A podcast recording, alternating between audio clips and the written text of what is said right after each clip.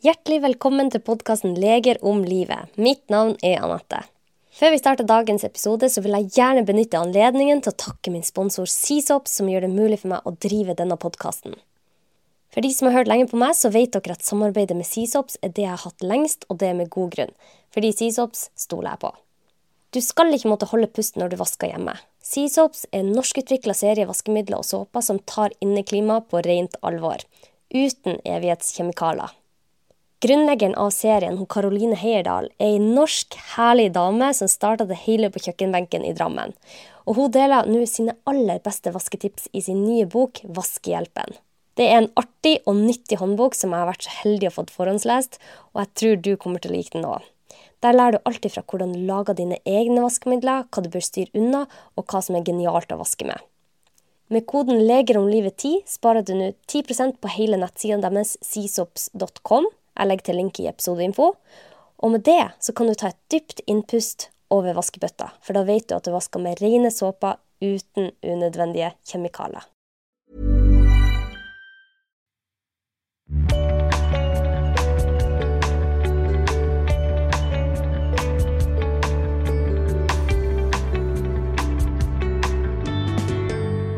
Hjertelig velkommen til podkasten Leger om livet. Mitt navn er Anette Dragland, og jeg er utdanna lege. Jeg har laga denne podkasten for å gjøre nyttig og god og spennende kunnskap om kropp, helse og sinn lett tilgjengelig for oss alle. Med meg i dag så har jeg en gjest som heter Simen Løseth. Han er lege og går spesialisering i psykiatri. For tida jobber han på en psykiatrisk poliklinikk på Diakonhjemmet sykehus i Oslo. Han Simen han har en stor lidenskap for ernæring og helhetlig helse. Derfor starta nettsida bedrementalhelse.no og Instagram-profilen og TikTok-profilen Ernæringspsykiater for å kunne spre kunnskapen om akkurat disse temaene. Noe av det viktigste for vår psykiske helse er god fysisk helse, sier han. Videre er noe av det viktigste og mest konkrete vi kan gjøre for å oppnå bedre fysisk helse, er å få god kvalitet på maten vi spiser. Og det syns jeg er veldig godt sagt. Hjertelig velkommen, Simen. Tusen takk for det. Hvorfor er du så opptatt av hvordan maten påvirker vår mentale helse, og hvordan alt spiller inn, og hvordan vår fysiske helse påvirker vår mentale helse? Jo mer jeg leser på alt mulig rart eh, Det kan ha vært liksom temaer som i utgangspunktet virker liksom atskilt, men jo, jo, mer jeg leser, jo mer liksom, virker det som at alt har en sånn alt har en sammenheng, da. Mm.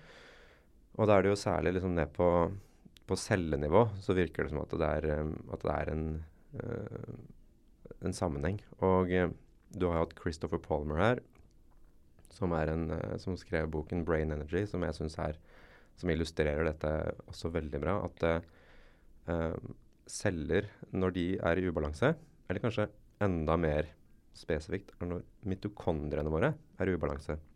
Hva er det? Ja, Det er jo disse organellene som altså organeller som er uh, enheter i cellene våre. Som, i, som, Når man leser om dette første gang, så lærer man at disse er uh, energiproduserende enheter. Lager ATP, som er uh, dette molekylet som gir nummer én varme, nummer to energi. Og får egentlig alle prosesser til å fungere. Når Man har vel kanskje liksom i lang tid egentlig, kanskje, eller det vil jeg si, da, undervurdert litt deres funksjon virker det som at jo mer man leser om mitokondriene, så virker det som at disse er en slags uh, dirigent i orkesteret som er inni, inni cellene. Ja. Og når mitokondriene kommer i ubalanse og ikke er friske, så blir cellene også uh, dårlige. Uh, og celler i ubalanse, det gir jo en, en kropp i ubalanse, og til slutt et, et sinn i ubalanse. Ja. Å, det er så godt sagt. Og det som jeg syns er så artig og spennende og fascinerende, er at det er så mange ting som påvirker cellene våre, som mitokondriene våre. Mm. Det er liksom ikke, det er ikke bare søvna eller bare trening eller bare maten. Alt dette spiller inn på hvordan hver og enkelt celle i vår kropp fungerer. Og jeg bruker å si at for å kunne se helheten, så må man også zoome inn og se på hver og en celle. Mm. Hva som gjør at de fungerer godt. Eh, og så zoome ut for å se hva, hva er det kroppen vår trenger for å fungere godt. Og det, det samsvarer jo. Så jeg syns det er superspennende. Så jeg er veldig, veldig glad, Simen, for at du har at du bruker såpass mye tid som eh, jeg ser du gjør på Instagram med å formidle om denne kun viktige kunnskapen. Fordi det tar mye tid å lage Mm. ett eneste innlegg på Instagram. Absolutt. Eh, og jeg ser at eh, du gjør dette på en utrolig god og nyttig måte. Hva var det som gjorde at du fant ut at du skulle starte med formidling, i tillegg til din praksis som psykiater på sykehus? Nei, det er jo Det er jo en del av meg som Hva skal vi si Kanskje litt sånn galt å kalle det egoistisk, men det er jo en sånt eh, ønske eller en del av meg som har litt lyst til å enten å begynne med Eller å kombinere det med vanlig jobb og det å drive med uh, formidling av kunnskap. Jeg syns at det er Jeg liker å prate. Mm, og eh, jeg tror at mye av de tankene og ideene og den kunnskapen jeg har, kommer veldig mange til gode. Og det er litt eh, på en måte litt synd at eh, da jeg har én og én pasient i konsultasjon, så har jeg jo ja, hva skal vi si, tre til fem pasienter jeg møter om dagen. Mm. Og jeg tenker at den Det er veldig eh, høres litt sånn innbilsk ut å tenke at jeg sitter på så utrolig mye bra, men det er litt sånn den tanken jeg har, da. Og, det, Mm. og jeg ser jo også at det er nyttig for veldig mange. Du når ut til enda flere. Det er eh, litt av tanken. Mm. Uh, og, eh, ja, og jeg tror at i hvert fall sånn når vi snakker om mat, at det er en del myter som egentlig ikke er uh, optimalt. Da. Det Mm. som gjør at, uh, man, at folk tar valg som er mindre bra for sin helse. Og uh, ja eh, At de da rett og slett får pga. det dårligere kvalitet på livene sine. Mm. For at de fleste gjør jo så godt de kan, ikke sant? men det er så vanskelig. For det er så, det er så mye informasjon om hva man skal spise. Uh, og jeg husker selv um, Jeg har jo vært uh, ganske syk før. Mm. Uh, og blitt frisk ved å endre på livet mitt og endre på flere faktorer, men bl.a. maten jeg spiser. Og jeg syntes at det var kjempevanskelig å vite hva jeg skulle spise. For at det var så det var så sprikende forskning, og det er det fremdeles. Absolutt. Eh, og det er så mange meninger, og det er så masse synsing, og det er så mange det, Jeg føler at det er en eh, ganske oppheta debatter om hva som er bra for oss. Men det vi, de fleste av oss er enig i, at det å spise ren, hel mat, altså råvarer, er bra for oss. Mm.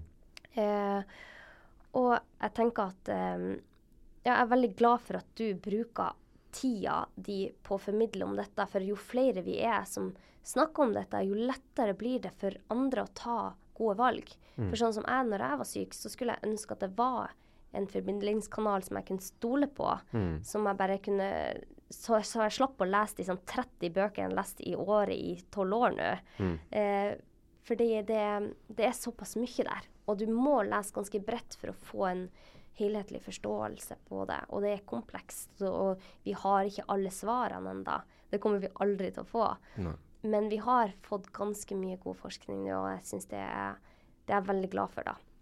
Men er det noen er det en, For jeg husker jeg hadde noen som Når jeg begynte å lese meg opp om dette, så fikk jeg noen aha-moments. Har, har du hatt en periode i livet ditt der du plutselig fant ut at «Å, dette er spennende, dette er kjempenyttig og viktig å kunne nå? Jeg tror ikke jeg har sånn ett eh, spesifikt eh, aha-moment. Jeg har sånn masse aha-moments liksom on the way. Mm. Men jeg husker veldig godt liksom én hendelse på en måte som har sånn Som jeg tenker en del på når du liksom spør meg om hvorfor jeg driver med det jeg driver med. Også det. Det var et eh, foredrag av en sånn økonom fra Legeforeningen. Og så tar han opp liksom hva, Hvor er det liksom penga går i helsebudsjettet? Liksom 3% går til forebyggende behandling. Og jeg liksom Jeg trodde han hadde en trykkfeil, og jeg lurte på hva sånn, stemmer det her egentlig. Og så når man leser litt på dette her, så virker det som at det stemmer. da. Det er, vi blir på en måte som eh, Altså helsevesenet blir mer og mer spesialisert, og vi blir dyktigere og dyktigere på å behandle sykdom. Mm. Men når symptomene dukker fram, altså symptomer er hva pasienten føler, Mm. og, når, og funnene, dvs. Si det vi som leger ser, f.eks. et høyt blodtrykk eller avvik i eh, fettprofil. Det tar jo mange år for det å, å utvikle seg. Eh, 10-20, kanskje enda flere år, 30 år, før man liksom begynner å få ordentlige funn og symptomer. Sånn det er, det er jo Og når man ser på liksom den pasientgruppen som særlig kommer inn i medisinske akuttmottak, så er jo det vil jeg si ganske sånn sikkert. Det er liksom ernæring og livsstil. Mm. Som kunne forebygget mange av de tilstandene. Mm. Og som igjen gjør at uh, leger og sykepleiere har masse å gjøre, og pasientene blir sykere og sykere. Og vi blir eldre og eldre, og eldre men kvaliteten på livene våre blir kanskje ikke bedre. Ja, vi vet i hvert fall at sykdom rammer oss kanskje i større grad nå enn før. Flere unge får kreft, vet vi. Vi vet at autoimmune lidelser øker. Vi vet at veldig mange av disse store, viktige, største da, eh, sykdomsgruppene øker i forekomst. Og da tenker jeg da er vi nødt til å se annerledes på ting. Da er vi nødt til å å se oss omkring og tenke hva er det vi driver med? Hva er årsaken her? Hva er det vi kan gjøre annerledes, sånn at færre får sykdom? Fordi det er altfor mange som går rundt med ikke bare sykdommer som er som tar bort mye li god livskvalitet, men det er en stor gruppe eh, i befolkninga som har diffuse plager men som har disse diffuse plagene. Vi klarer ikke å helt finne ut hva er det egentlig som er galt, for det vises ikke på blodprøver eller på mm. skanninger. Men de har dårlig energi, de føler seg nedstemt, de føler at uh, de er slitne hele tida. Og når en så stor del av befolkninga kjenner på dette, så er det jo noe vi er nødt til å ta tak i. Definitivt. Jeg har en sånn en sånn greie, en sånn huskeregel som jeg har laget nummer én for at jeg skal minne meg selv på det, men også for at jeg skal huske å spørre pasienten om det. Det er en liten huskeregel som jeg kaller REMS. Og det er liksom relasjoner, hormesis, altså kortvarig stress, trening, eh, sauna eller isbading. Mm. Ernæring, mening, søvn og hele den der Jeg ser liksom for meg at REMS, det er en slags båt. Og denne båten står, den, den, går, den, flyter på en sjø som er vanene våre. Uh, og for at liksom, alle disse tingene skal kunne fungere optimalt, så må liksom, vanene være på plass. Og det er også noe jeg ser liksom, ofte pasienter som kommer inn, de har mangel på en eller flere av disse faktorene. Mm. Og liksom en eh, eh, sånn fundamentalt mangel på gode vaner. Uh, og det er derfor jeg ofte ofte anbefaler boken 'Atomic Habits', ja. uh, mikrovaner, framfor hvilken som helst depresjonsbok.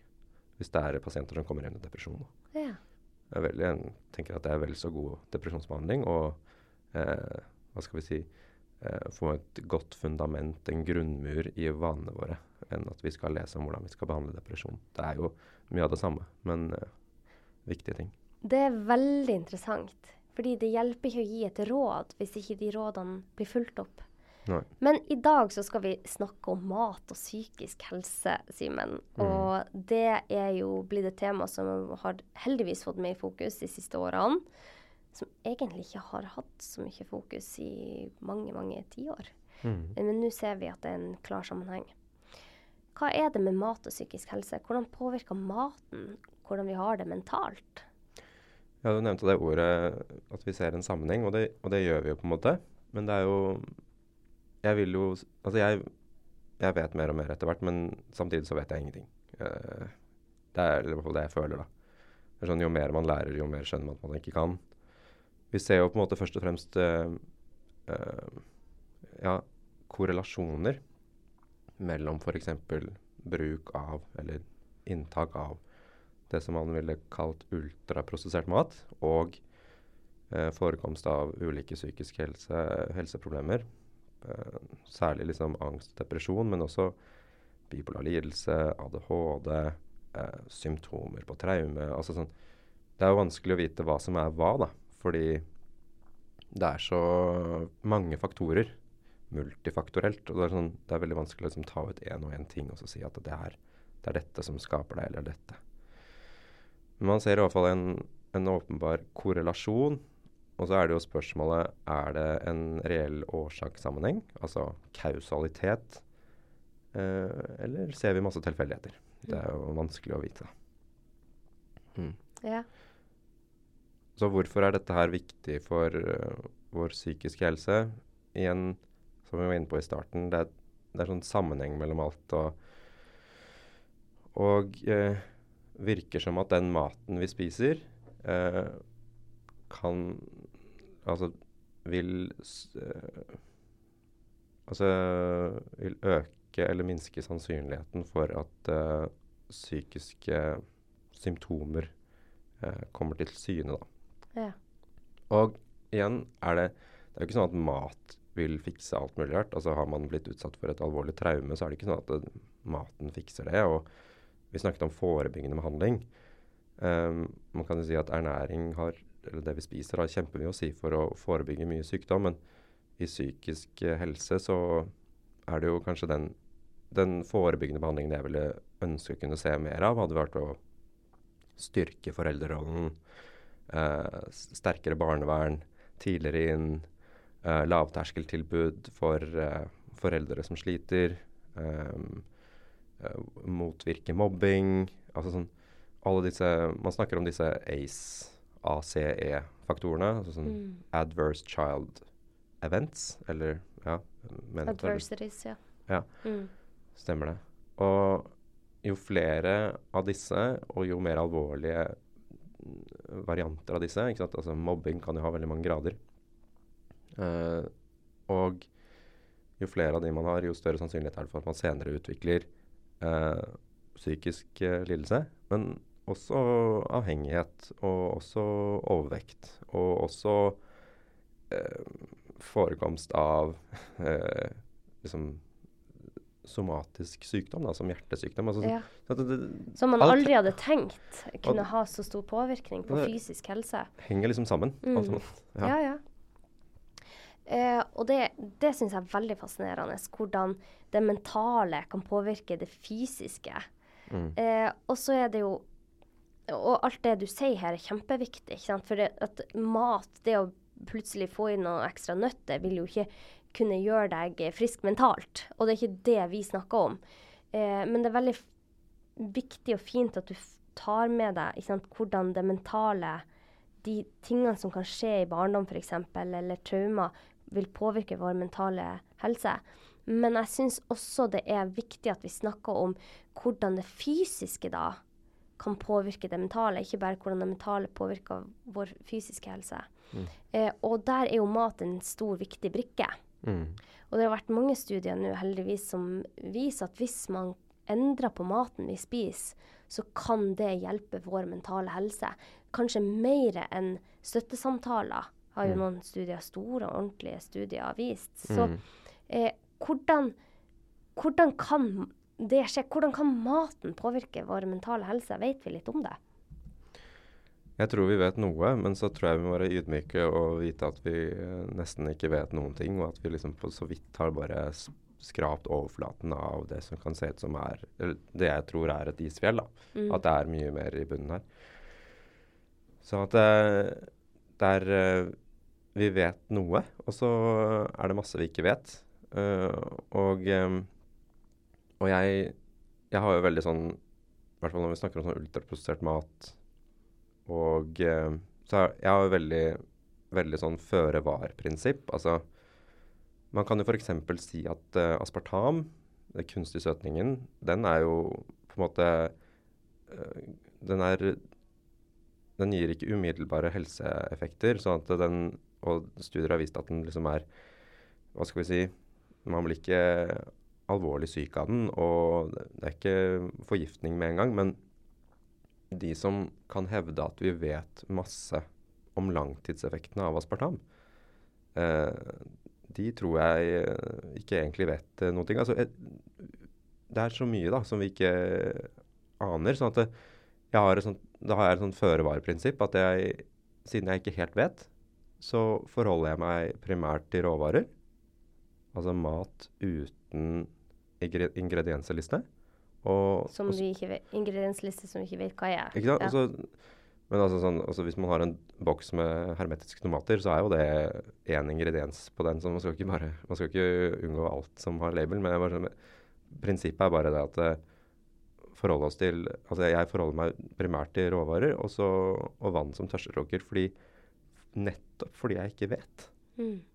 Og jeg ser bare mer og mer korrelasjoner. Altså sammenheng. Ikke nødvendigvis kausalitet, altså ikke nødvendigvis årsakssammenheng, men jeg vet ikke. Da forholder jeg meg til det jeg har spist som art gjennom tidene. At det er det tryggeste. Uh, og så forholder jeg meg sånn rundt sånn 80-90% råvarer ca. Og så 10-20% hvor man liksom i gåsehudene skeier ut, da. Mm. Det tenker jeg at det er uh, at det er mulig å oppnå for folk flest. da. Ja. Og det tror jeg vil gi mye helsegevinst å forholde seg til den 80-20, 90-10 sånn omtrentlig. Ja.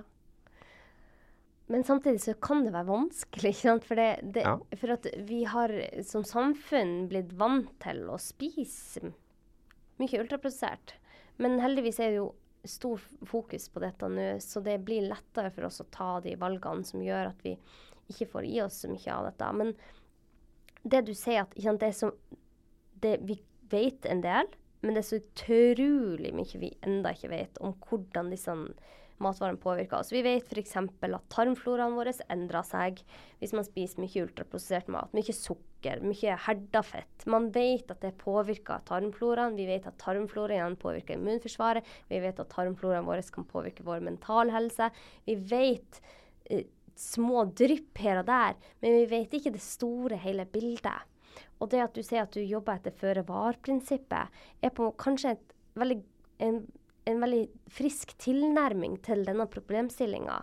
Fordi at hvis vi da spiser råvarer i bunnen, så kanskje vi tåler de utskeielsene. Jeg lever i hvert fall etter det prinsippet. At eh, jeg kan ikke spise utelukkende råvarebasert, fordi at det er vanskelig i hverdagen. Absolutt, absolutt. Eh, men jeg spiser mest av det. Mm. Og jeg lever også etter at jeg drikker vann.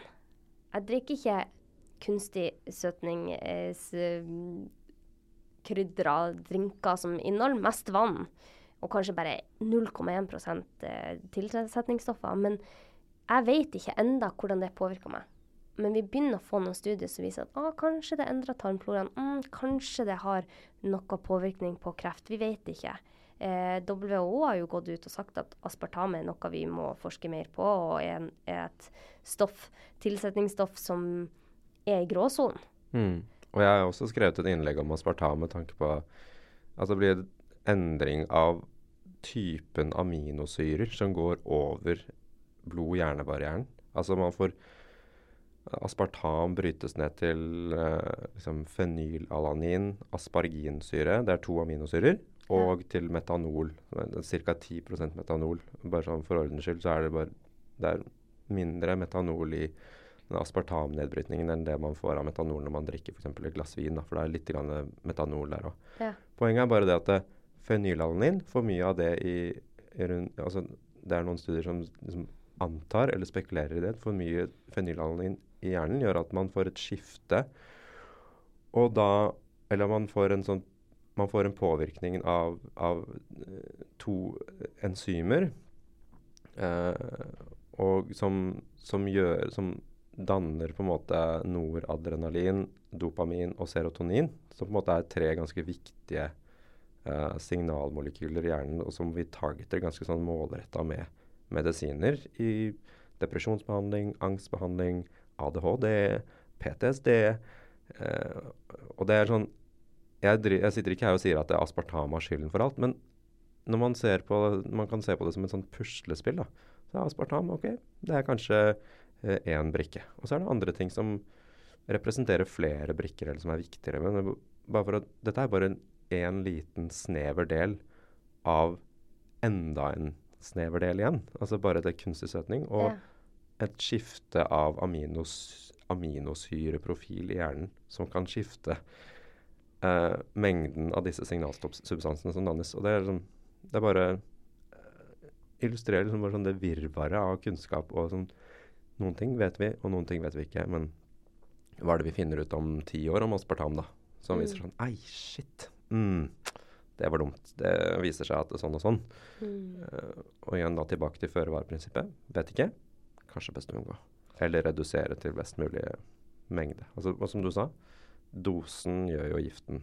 Ikke sant? Altså, man kan jo tillate kroppen seg noe, og så håndterer den ganske mye. Altså, vi kan jo drikke alkohol og tåler det til en viss grad. Det er jo en gift, men kroppen klarer å håndtere det til en viss grad. For mye av det. Vi kan dø av vannforgiftning. Sånn at alt eh, Dosen gir giften.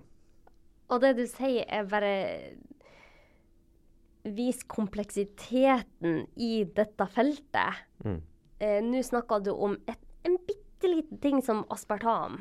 Som er en bitte liten del av en ingrediens som du kanskje får i deg i løpet av uka. Eh, tenk hvor mye annet vi får i oss. Vi vet ikke helt. Men når du forteller om hvordan det brytes ned, og hvordan det kan gå gjennom blod-hjernebarrieren Dette er komplekst.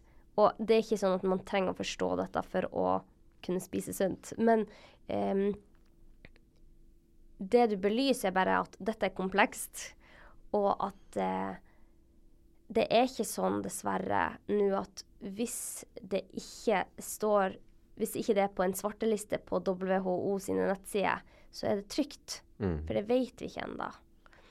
Men du har også snakka en del om disse oljene. Vegetabilske oljer, frøoljer. Kan du For det er òg litt komplekst, men jeg tenker at vi, eh, det er greit å lære litt om hva er egentlig forskjellen på vegetabilske oljer og frøoljer, og hva har du lyst til å fortelle om det? Nei, altså sånn øh, oppsummert, da. Eh, vegetabilske oljer, det er jo egentlig alle oljene som er laget på, skal vi si, eh, frø og eh, frukt. Vil si at eh, man kan jo dele dette videre inn i at eh, altså eksempel øh, olivenolje, avokadoolje, det er jo i utgangspunktet olje fra øh, fruktkjøtt som som ikke er det vi snakker om her. Her snakker vi om det som på engelsk heter seed oils, eller frøoljer. Og eh, så og, grunnen til at det er viktig å prate om dette, er fordi det er, det er to matvarer som på en måte brukes mer og mer i matindustri. Det er sånn sukker og disse vegetabilske oljene. Folk kan jo gjøre seg opp sin egen mening eh, etter at de har hørt dette.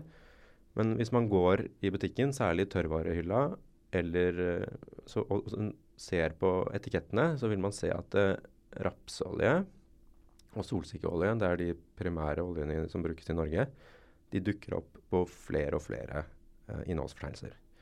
Og i USA så brukes veldig mye soyabønneolje. Um, og det er sånn, som Bare sånn på bakgrunnen av bruken, og at vi bare har brukt det i, i sånn 100 år ish, er jo Man burde i hvert i det minste ha liksom en liten skepsis og undre seg litt. Og litt tilbake igjen til dette føre-var-prinsippet, da. Eh, frøoljene ble jo altså Det ble brukt som eh, maskinsmørning, sånn, for å få maskiner til å gå smooth. Eh, ja, I slutten av 1800-tallet så var det noen som fant ut at man kunne bruke det i matindustri. Og så er det vel selskapet Crisco som var de første som markedsførte et uh, produkt. Og så har det kommet en del studier som sa at uh, av fett var farlig, og da var jo det et springbrett for disse oljene inn i matindustrien. Og uh, det er særlig en fettsyre som heter linolsyre.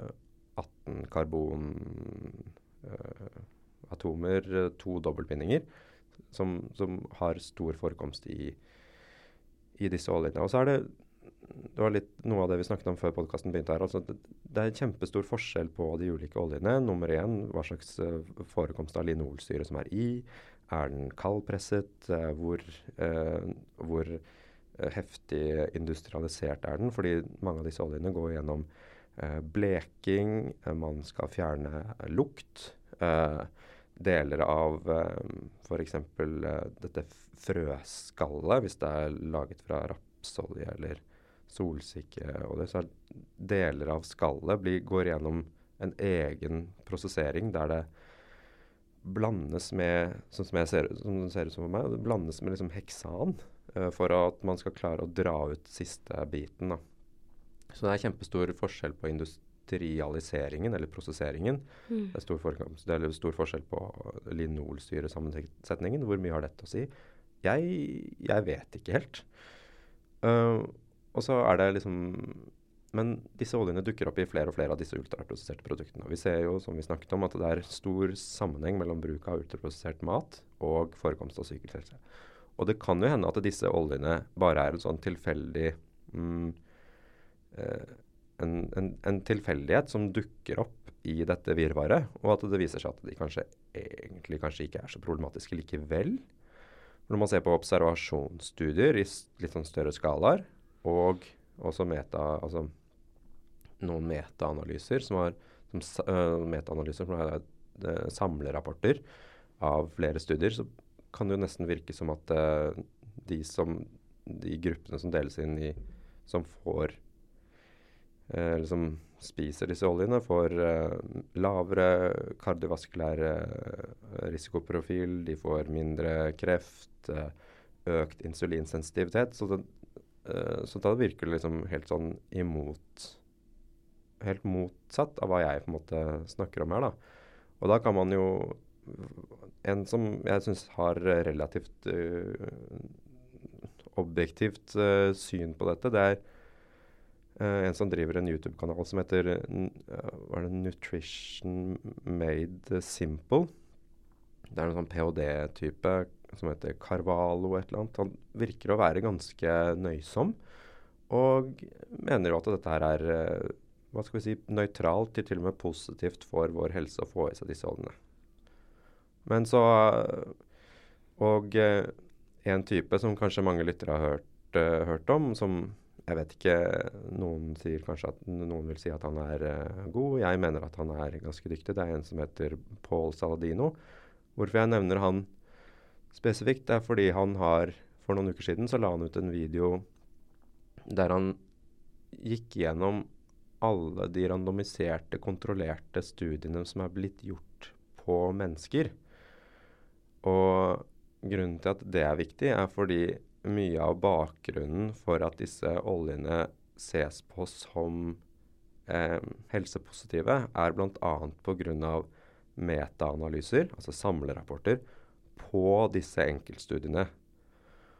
Og når man og folk kan jo gjøre, opp, gjøre, seg opp sin egen mening på, måte, på det, men når han går gjennom én og én studie ganske nøyaktig, så tar han jo opp ganske kritikk, kritikkverdige eh, intervensjoner på f.eks.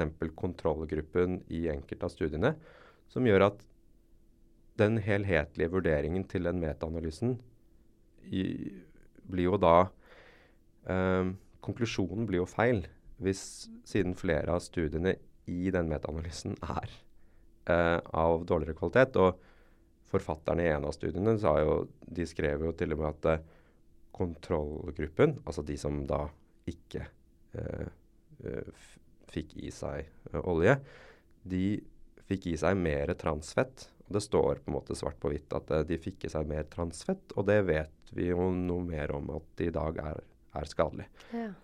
Og når enkeltstudiene i en metaanalyse er av dårligere kvalitet, så konkluderer jo metaanalysen feil, og da vil jo Og hvis vi da baserer oss på metaanalyses eh, resultater, så vil jo rådene og hva skal vi si, helserådene om å innta eller å ikke innta, de vil jo være avgjørende. Mm. Og, eh, og, og, dette er jo bare én metaanalyse. Dette er jo bare ett sett med studier. Jeg tror det er sånn 10-11 studier som er randomiserte og kontrollerte og gjort på mennesker. Mm. Uh, sånn at, uh, og det blir litt En digresjon der er jo sånn som du har snakket om to tidligere podkaster. Han Richard Horton fra Lancet som sier at liksom, kanskje halvparten av studiene som finnes, er uh, liksom feil. da. Og det, det har hun første kvinnelige editoren i, i, New England Journal of Medicine også sagt uh, Mar Er det Maria eller Marcia Angel? Også sagt noe av det samme da, i rundt sånn 2009 eh, at det liksom, kvaliteten på flere av studiene er for dårlige. Mm. Og sånn at det, dette, dette er også det, den, Dette her eh, jeg snakker om nå, det er også for å illustrere det at det, en metaanalyse er ikke Er kun god nok basert på de enkeltstudiene som er i miksen. Sånn, jo flere studier man har, jo større sannsynlighet er det for at den retningen metaanalysen peker, er riktig. Mm.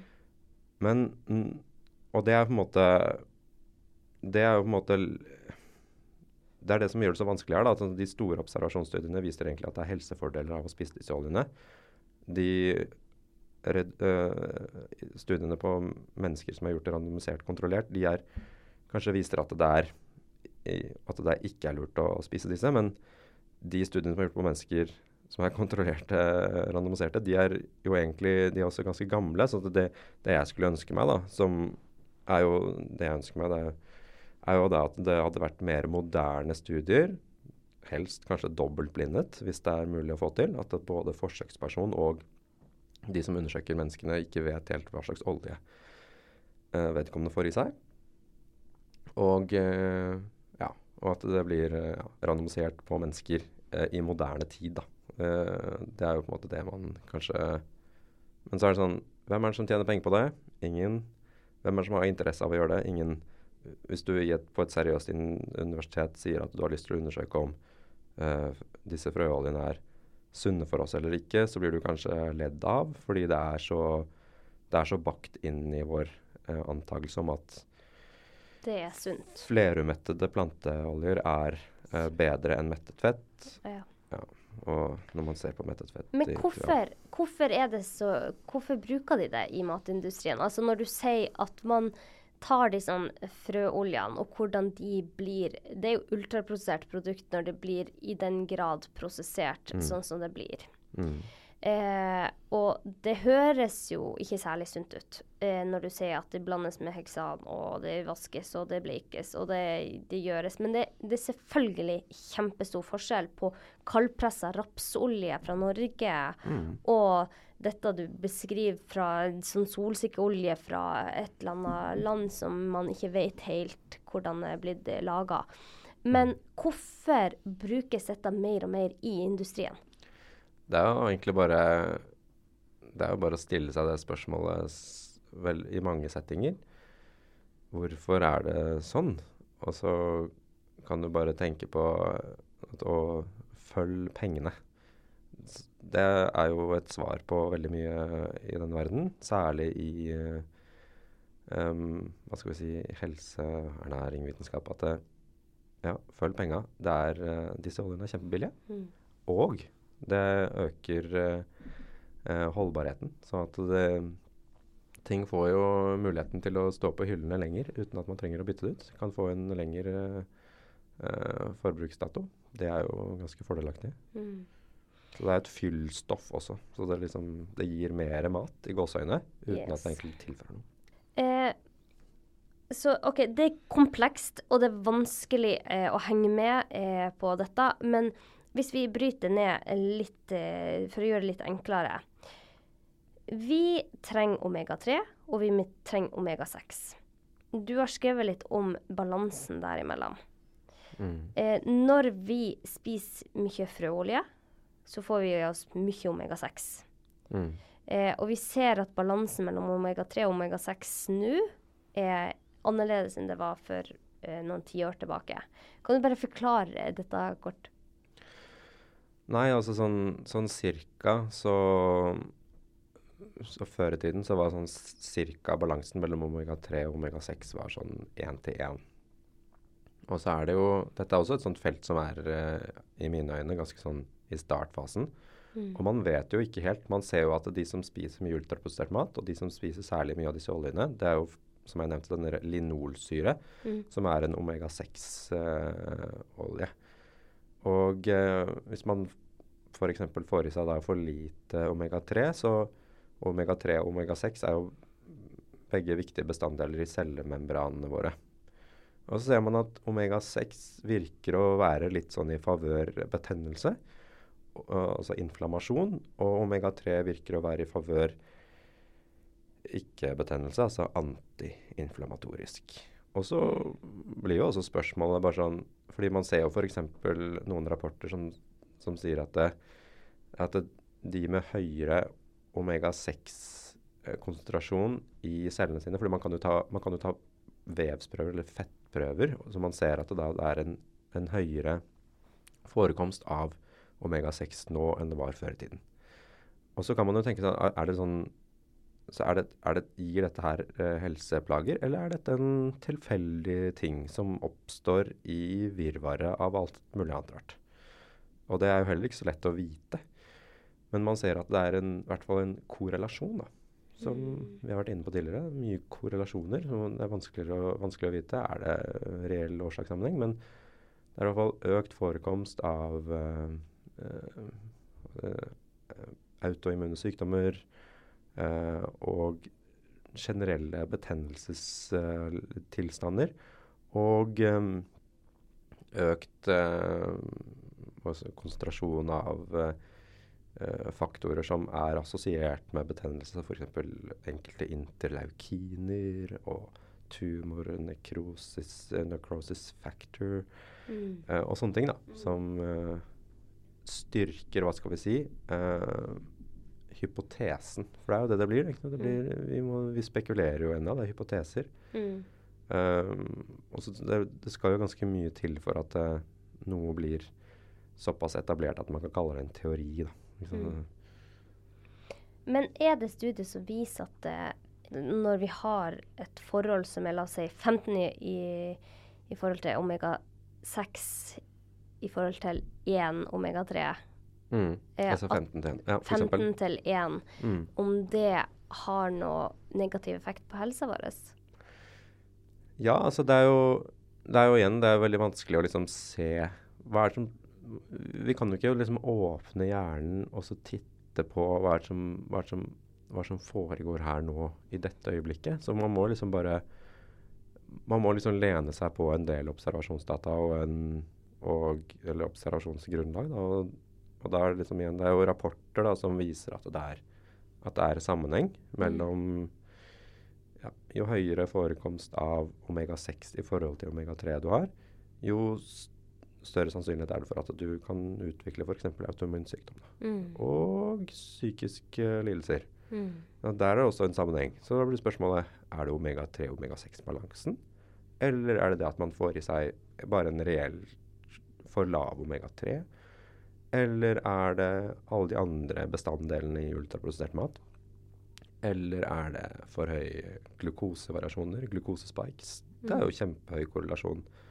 Også blant de som får i seg mye frøoljer, har også mye mat som har høyt glukoseinnhold og mye spikes ja. og mye variasjoner.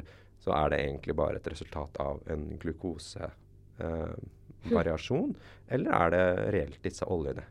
Hva skal vi trekke ut? Hva er, det? hva er grunnen? Ja, det er vanskelig. Mm, sånn at, mm. og kanskje det er uh, cocktaileffekten. At ja. det er uh, bare alt mulig. Alle, alle, tingene.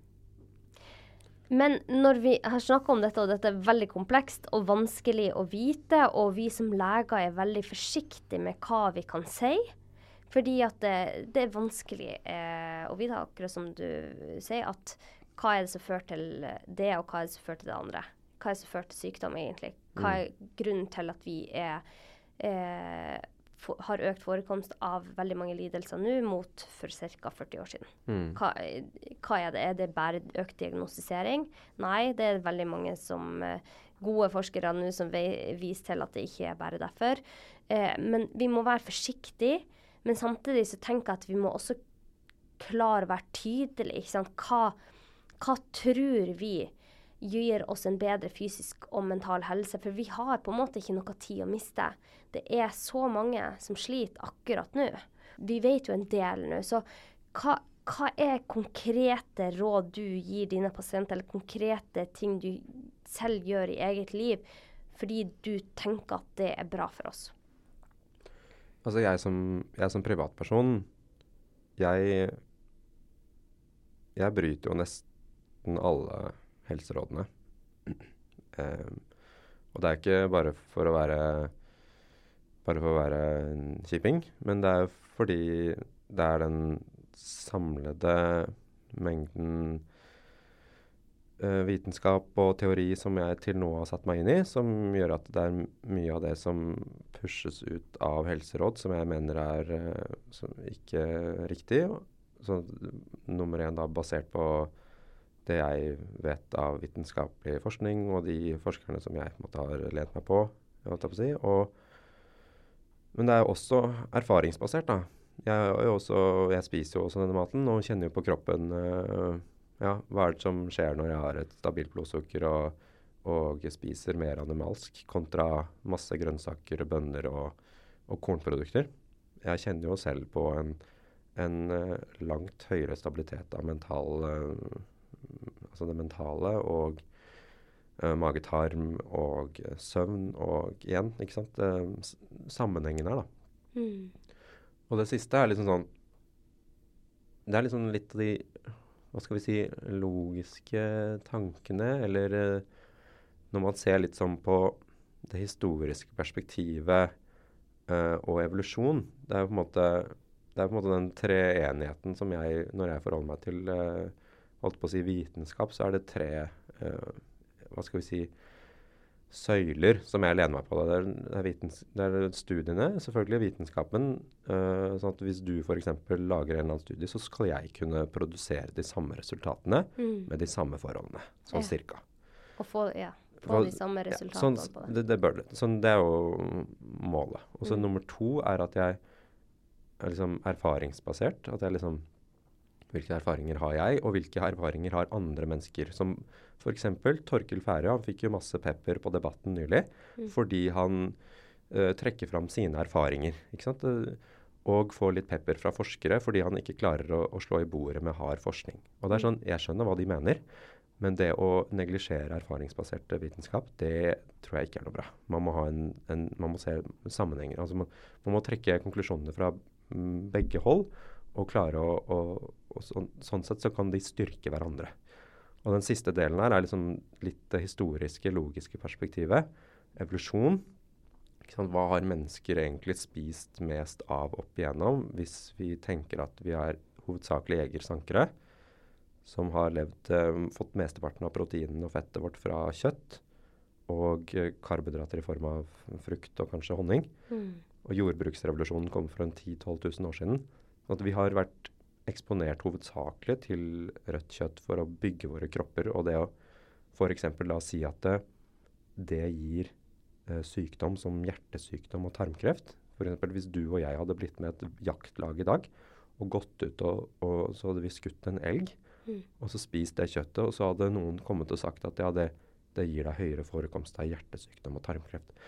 Der er det en sånn logisk briste som er sånn som sammen med liksom det man vil kunne si, snakke om liksom erfaringsbasert, og igjen um, vitenskapelige studier. Når man slår de tre tingene sammen, så, så skurrer det veldig mm. i fundamentet om at rødt kjøtt er så farlig. Mm. Og det er det samme, også, mange som driver ketogent kosthold, vil jo si at det har vært helt sånn helt essensielt for at de skal oppnå vektbalanse eller vektnedgang.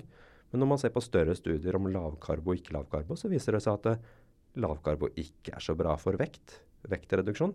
Eller det er studier som peker i begge retninger, men i hvert fall jeg ser flere studier som peker i retning at det ikke har så mye å si. Men en svakhet der er jo at det er korte eh, tider. Det går på uker, måneder. Mm. Og det er kanskje ikke nok for at man skal kunne se uh, vektreduksjon på ketogenkosthold. Så da blir jo den erfaringsbaserte delen av vitenskapen kjempeviktig. Mm. Og når man også ser i tråd av evolusjonen i historisk kontekst. Hvor mye karbohydrater har vi egentlig spist som art? I hvert fall den raffinerte typen sånn typ fra korn. Ja, det er 10 000-12 000 år siden. da. Og hvis arten vår i ja, er en Homo sapiens er 400 000-600 000 år, og egentlig grenene av menneskelig utvikling sånn, eller evolusjon er sånn kanskje liksom 1-2 millioner år, mm. og vi hovedsakelig har levd som jegersankere, så kan man jo si at den maten kanskje ikke er så bra. Og da gir det kanskje litt mening at ketogenkosthold er uh, vektreduserende. alle de tre, hva skal vi si, Den treenigheten å forholde seg til kunnskap på syns jeg er en uh, fin og viktig tilnærming. Da. At man ikke bare kan se på studier. Eller bare erfaringsbasert. Eller bare Man ser på sammenhengen. Ja, og så tenker jeg at det er veldig viktig det du sier om at vi er jo forskjellige. ikke sant? Vi, Mm. Erfaringa vår er jo kjempeviktig. Og det pleier jeg å si til pasientene mine, at jeg kan ikke vite det perfekte kostholdet for deg. Og jeg tror ikke på at det finnes ett perfekt kosthold, for vi er opportunistiske etere.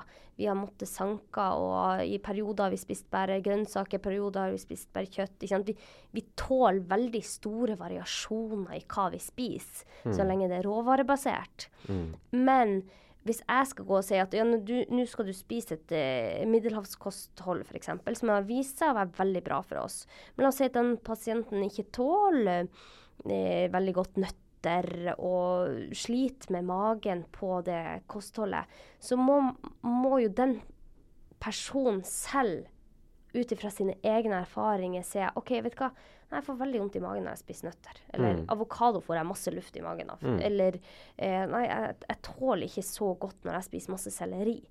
Eh, selv om masse studier viser at selleri er dritbra for helsa vår, så kan jo ikke det gå over erfaringa til det individet. Eh, så erfaring er kjempeviktig i det hele. Men eh, som du sier òg, vi må ha fått føttene godt planta på studier òg her. Så det, det er vanskelig, det, det er igjen komplekst, men jeg tenker at eh, veldig, veldig, veldig mange vil kjenne på økt livskvalitet, mer energi. De føler seg friskere hvis man går over til et råvarebasert kosthold. Fordi at det vi i hvert fall har fått belyst i den samtalen jeg og du har hatt nå, Simen, er at det er så komplekst at eh, hvis man ser på evolusjonen, så det vi har spist gjennom mange hundre tusen år, er sannsynligvis noe som vi mennesker tåler i stor grad, og som gjør oss godt. For ellers hadde vi som art dødd ut. Jeg er helt enig i det siste du sa der. Absolutt. Mm. Um, så hvis man skal gi noen konkrete råd i denne episoden, så vil jeg, vil jeg i hvert fall si at eh, kjenn etter. Altså nå når jeg er, spiser for det meste helrein mat, så merker jeg stor forskjell hvis jeg går et par dager og spiser ultraprosessert mat. Jeg kjenner den forskjellen veldig fort i hvordan energinivået mitt er. Hvis at jeg eh, plutselig går over til et kosthold som ikke er bra for meg, da, med mye sukker, ultraprosessert. Eh, så kjenn etter. Prøv å gå syv dager da, uten ultraprosessert mat. Se hva, hva skjer med kroppen din da. Det er fascinerende å se. Ja, og hva er egentlig, hva er egentlig tre til seks måneder av et uh, liv, da? Det er jo sånn Jeg vil jo slå i bordet for å kanskje litt lenger Men syv dager er et bra sted å starte, da. Ja, ja. Men hvis man setter seg tilbake og tenker sånn Ok, hva er egentlig tre til seks måneder av livet mitt? Bare sånn, Det er ganske lite tidsmessig, men hvis det viser seg å endre resten av livet, så kan det ha mye verdi. Et annet uh, tips er jo liksom det å Hvordan er butikken bygd opp? Der er det noe sånn I starten av butikken så er det som regel frukt og grønt. Langs med kantene så ligger det kjølevarer. Det er stort sett høyere kvalitet på den maten som ligger kjølt eller i begynnelsen av butikken. I sentrum av butikken tørrvarer. Og mot slutten av butikken der er det godteri og snacks. Stort sett lavere kvalitet.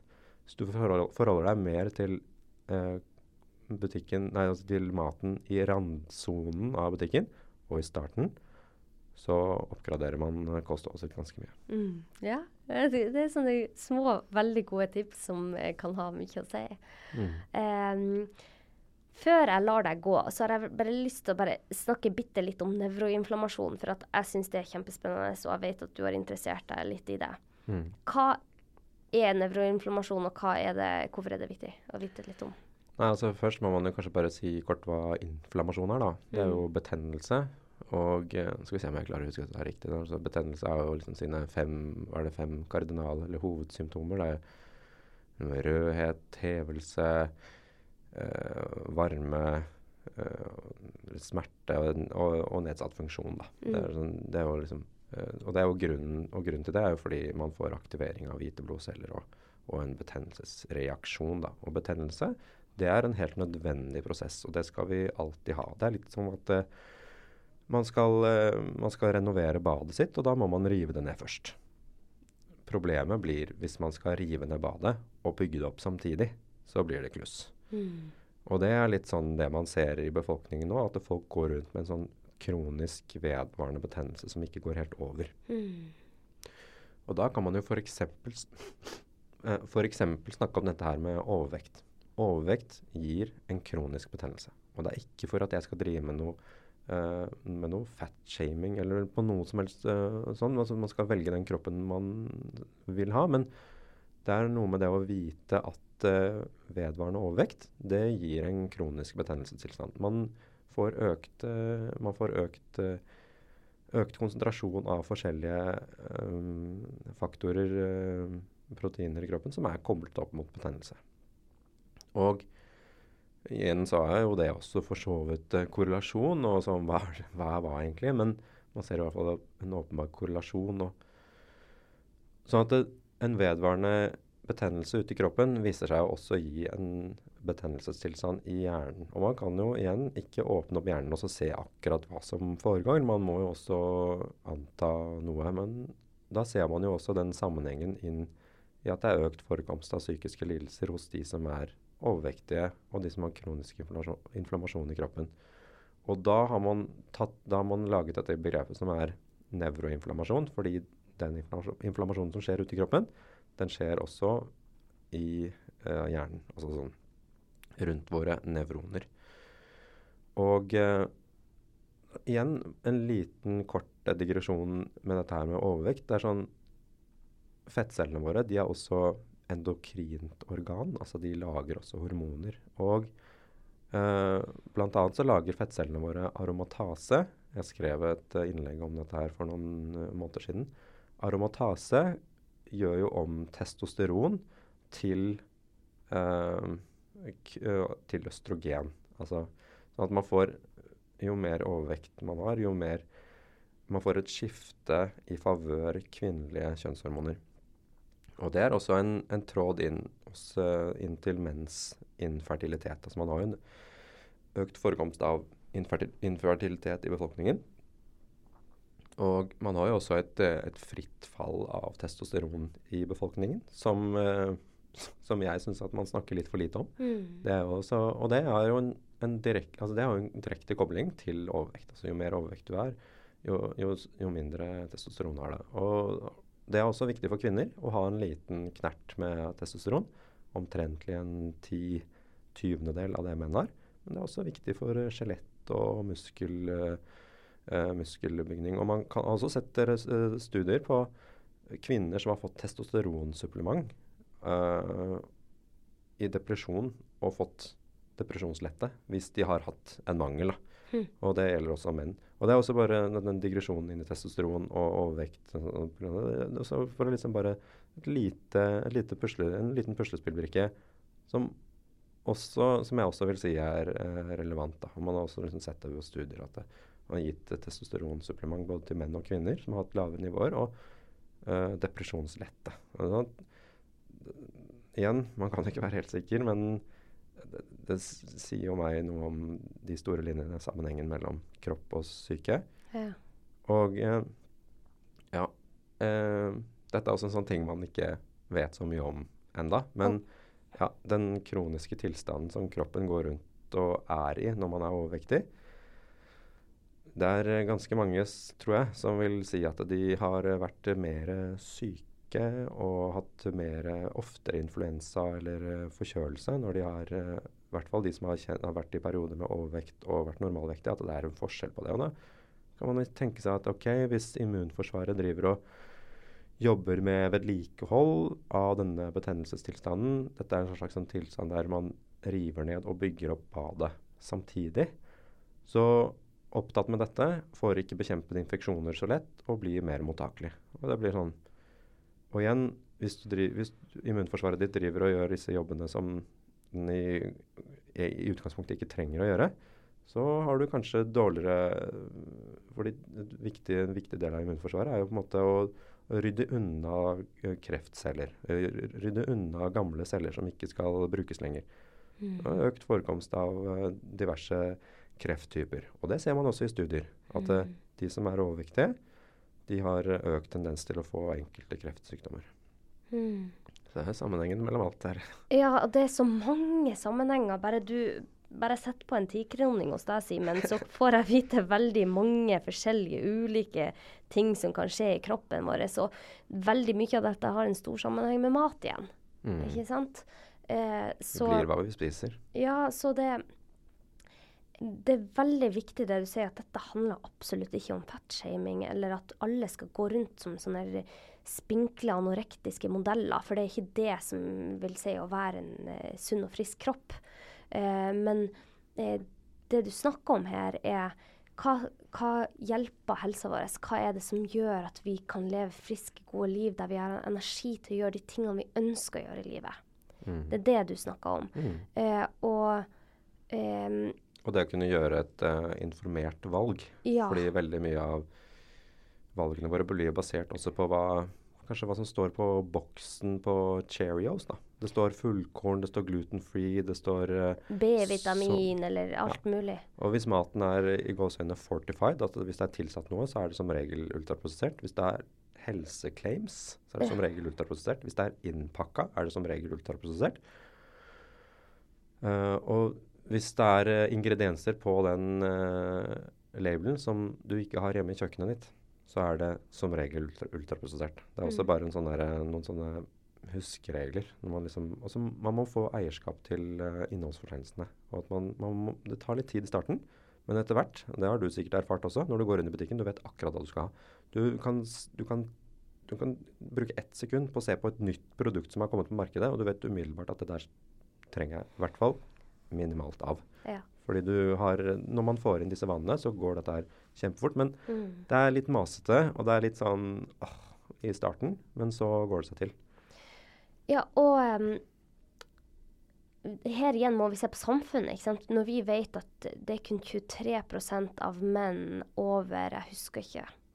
Er det over 18 år? I hvert fall eh, voksne menn som er normalvektige. Mm. Så er det jo ikke, kommer jo ikke dette an på viljestyrken. Fordi at hadde det vært viljestyrken det gikk ut, over, gikk ut på, så hadde jo de fleste vært normalvektige. Det handler om hva som skjer når man spiser sånn her mat, hva som skjer med metthetshormonene våre, hva som skjer med sulthetshormoner, hva som skjer med det du forklarer, testosteron, østrogen, det er så mange ting. Eh, hvordan tarmbakteriene våre kommuniserer med oss og ønsker mer av denne maten som ikke er bra for oss. Det handler ikke om viljestyrke lenger. Det er mye, mye, mye mer komplisert enn bare viljestyrke. Så eh, det jeg pleide å eh, har sagt til mine pasienter, er at OK, nå uh, gir du det syv dager. For at ofte se, får man så mye mer energi bare på syv dager. Og så ser du, ok, tar du 14 dager, så ser du hvordan, hva som skjer med, med helsa di da. Og etter 14 dager så begynner mange å merke at oi, den der cravingen, den der skikkelig skikkelig sulthungeren mange får på kvelden, forsvinner. Og den er vanskelig å kjempe mot. Den er kjempevanskelig, for at det er noe som har skjedd eh, over lang tid med mange komplekse ting i hjernen og i kroppen din som sier til deg at du må ha mer av noe. Eh, når den begynner å avta, så blir det lettere å følge dette. Og så var det en annen ting jeg ville bare si. at det, Jeg leste en studie nå som viser at det, hvis man går med un på underskudd av proteiner, f.eks., mm. så hadde de mye større sulthunger på kvelden på søtsaker ja. enn de som fikk i seg nok proteiner. Mm. Og det er litt kontraintuitivt. Hvorfor skulle jeg crave, ønske mer karbohydrat og sukker fordi at jeg fikk for lite proteiner? Vi vet jo ikke. Ja. Men det er sånne ting som spiller inn. Det er så mange ting som spiller inn som i hvert fall gjør meg mer bevisst på at OK, vet du hva, jeg må huske å få i meg nok proteiner i løpet av dagen. Mm. For ellers så kan det hende at jeg får veldig lyst på sukker på kvelden. Ja, prioritere proteiner først og fremst, og deretter fett, og til slutt karbohydrater. Og i vestlige verden så er det jo egentlig motsatt. At vi får i oss mest karbohydrater, deretter fett, og så proteiner. Ja, det er jo eh, det er finurlig. Det er opp ned. Men mm. uh, kanskje følg penga. Jeg vet ikke. Er ja, det noe det, der òg? Det, det, er vanskelig. Det er mm. kjempevanskelig, det her. Matindustrien er også veldig Altså, forskning på mat er såpass nytt. Det har vært et veldig lite eh, studert felt. Det er jo bare de siste 30 årene ikke sant, man har virkelig begynt å forske på det. Og veldig mye av dette er ikke de beste kvalitetene på studiene, som du sier. Jeg har jo litt sånn um, Kanskje noen vil si at det er litt sånn kontroversiell uh, mening, men altså barn som er overvektige, der, det, det, der er jeg så holdt på å si, ballsy at jeg, jeg, kaller det en sånn kollektiv uh, omsorgssvikt. Det er ikke Man kan godt si at foreldrene har hovedansvaret, og det er jeg for så vidt enig i, men, men det er også venner, familie, butikkene. Hvordan er det de plasserer Matindustrien. maten? Altså mm. produktene settes i barns øyehøyde. Ja. Helt bevisst. Du ser jo så disse boksene med sånne figurer og sånn er jo helt nederst for at de skal treffe barns øyne. Det er jo ikke tilfeldig. Politikk eh, og økonomi. Altså det, det, er Men jeg tenker at det er, det er, ikke for at noen skal få noe sånn Det er ikke sånn pekefinger at det sånn og sånn, men det er bare for at det, vi har et kollektivt ansvar her, da. Mm. Når, når, man ser liksom unge sånn under ti år som vagger rundt med overvekt, da tenker jeg at det er vi som samfunn, hele, alle sammen, må liksom vi må, vi må, liksom Ja, og jeg som lege, jeg jeg må, jeg må også jeg må tørre å være litt sånn som Torkil Færøy sier veldig fint. Jeg må, må, tørre å være litt upopulær. Og så mm. si at det, det, der nå altså, Den der grafen uh, den peker opp og til høyre og ser ikke ut til å begynne å bikke nedover. Ja, og det, det tar på en måte litt eh, skylda bort fra foreldrene, fordi mm. at det er samfunnet som har tilrettelagt for det her. Jeg jeg har jo jobba som lege på helsestasjon i mange år, og jeg ser hvor fortvila mange av disse foreldrene er. De ønsker bare det beste for sine barn. Absolutt. De ønsker bare at de skal få i seg sunn og god mat. De ønsker ikke at ungene skal slite med overvekt eller andre problemstillinger. Men det er kjempevanskelig. Og når et barn eh, får eh, matpreferanser som noen av de får. eh, det er vanskelig å, å, vite hva man skal gjøre òg som forelder. Så det, det, det, det her er kjempevanskelig. Uh, men jeg syns det er fint at du lufter det, fordi vi vet også at når man har overvekt som barn, så har man mye større risiko for hjerte-karsykdom som voksen, selv om man da har blitt normalvektig. Mm. Man vet det du sier om aromatase i fettceller, økt uh, andel østrogen mot testosteron. Hva gjør det med utviklinga til barna? Mm. Det er ingen som ønsker eh, at det skal skje, men det er også kjempevanskelig å gjøre noe med det når samfunnet er så eh, lagt opp til at det, det skal skje. Mm. Um, det blir en selvoppfylt profeti. Ja, det, det, der er Så jeg er glad for at du tør å være litt upopulær, og at du tør å snakke høyt om det. fordi at jo lengre opp i systemet vi klarer å komme, og jo mm.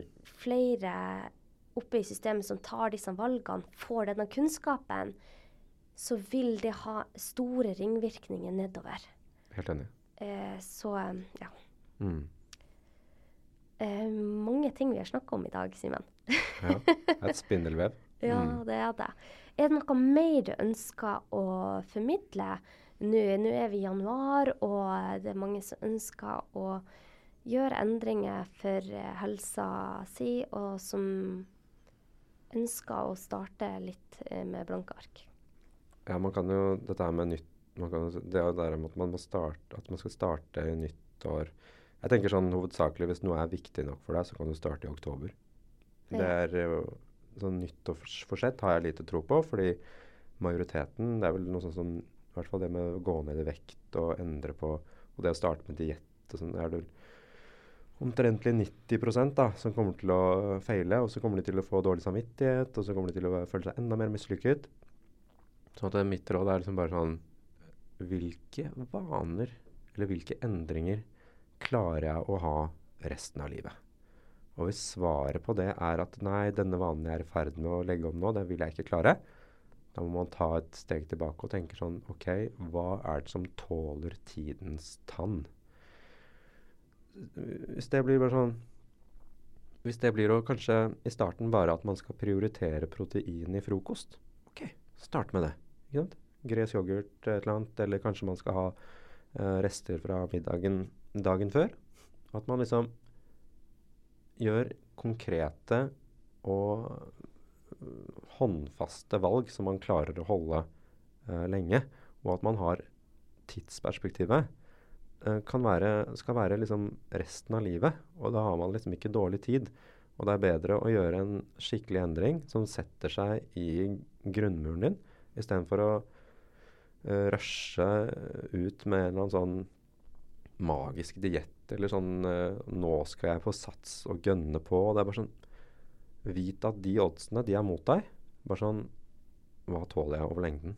Uh, det tenker jeg sånn Altså bare sånn OK, bare 80 eller hvis, hvis, hvis, du nå spiser 100% av maten din ultraprosessert, skal du se for deg at du kanskje Ja, enten at du gjør et sånt forsøk i 7-14 dager, eller at du bare sånn Skal vi bare gjøre sånn 50-50, da? Start med det. 50% ultraprosessert og 50% råvarebasert. Se hvordan det går. Mm. Og så øker man. Mm. Øker man som man klarer det. Men, Altså start uh, low, go slow. Mm. Noe sånt. Ja, jeg likte det der godt. Bare Hva skjer i livet ditt hvis du bare starter frokosten med proteiner? For det er ganske mange ringvirkninger bare derifra. Mm. Jeg merka selv, bare på egen kropp, når jeg starter dagen med proteiner, hvordan hva jeg craver resten av dagen, er helt annerledes enn hvis jeg starta med frokostblanding. Ikke sant. Noe som er litt sånn uh, lav på glukosespiken og, og, mye protein. Sånn som i dag så hadde jeg noe Jeg hadde gresk yoghurt med fruktyoghurt på. Så det er jo litt sukker, da, men det er jo det som det skal jo smake Man skal jo også kose seg med maten, da. Man skal også tenke sånn Det skal jo ikke bare være pyton. Men det var sånn Og så tok jeg noen slicer med ost. Det, det var det som var dagens frokost. Ja. Uh, føler meg uh, topp. Ja. Mm. Mm. Ja, det har vært veldig artig å ha deg inne i studio i dag, Simen. Jeg har et siste spørsmål jeg pleier å stille mine gjester. Om du skulle forlate denne jorda i dag, men så fikk du beskjed om at du fikk lov å fortelle én ting, eller tre ting helst, da. Tre råd eller tips til hver og en person på denne jorda fikk hviske det i øret til de, og du mm. visste at det ville ha en impact. Hva ville det vært? Motivasjon er øh, kanskje noe som får deg i gang, men motivasjonen er ikke din venn. Det er uh, disiplin og gode vaner som er uh, viktig uh, for veldig mye. Mm. Kanskje nesten Det har sine ringvirkninger i alt. Råvarebasert mat har langt mer å si for vår psykiske helse enn det vi kanskje har trodd til nå. Er det en ting til, da? Kunne sagt Kanskje man bare skal la det bli med to, da. Ja. Mm. To er fint. Ja. Tusen hjertelig takk for at du tok deg tid til å være med her i dag, Simen. Er det et sted mine lyttere kan nå deg? Ja, det er som du sa, den nettsiden jeg lagde som heter bedrementalhelse.no. Der har jeg ja, noen innlegg, men det er sånn, det er work in progress. Så er det, det, er mulig å signe seg opp på et sånt nyhetsbrev der. Og, sånt, og, og så er det uh, Instagram og, og TikTok-profilen. Det er samme, samme, navn. da. Er ernæringspsykiater. Mm. Veldig bra. Mm.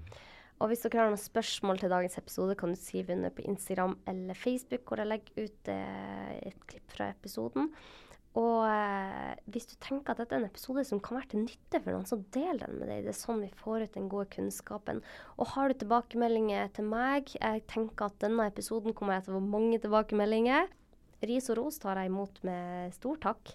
Og med det så ønsker jeg deg en kjempefin dag. Tusen takk til deg, Simen, som ble med i dag. Takk for at jeg fikk komme. Ha det godt.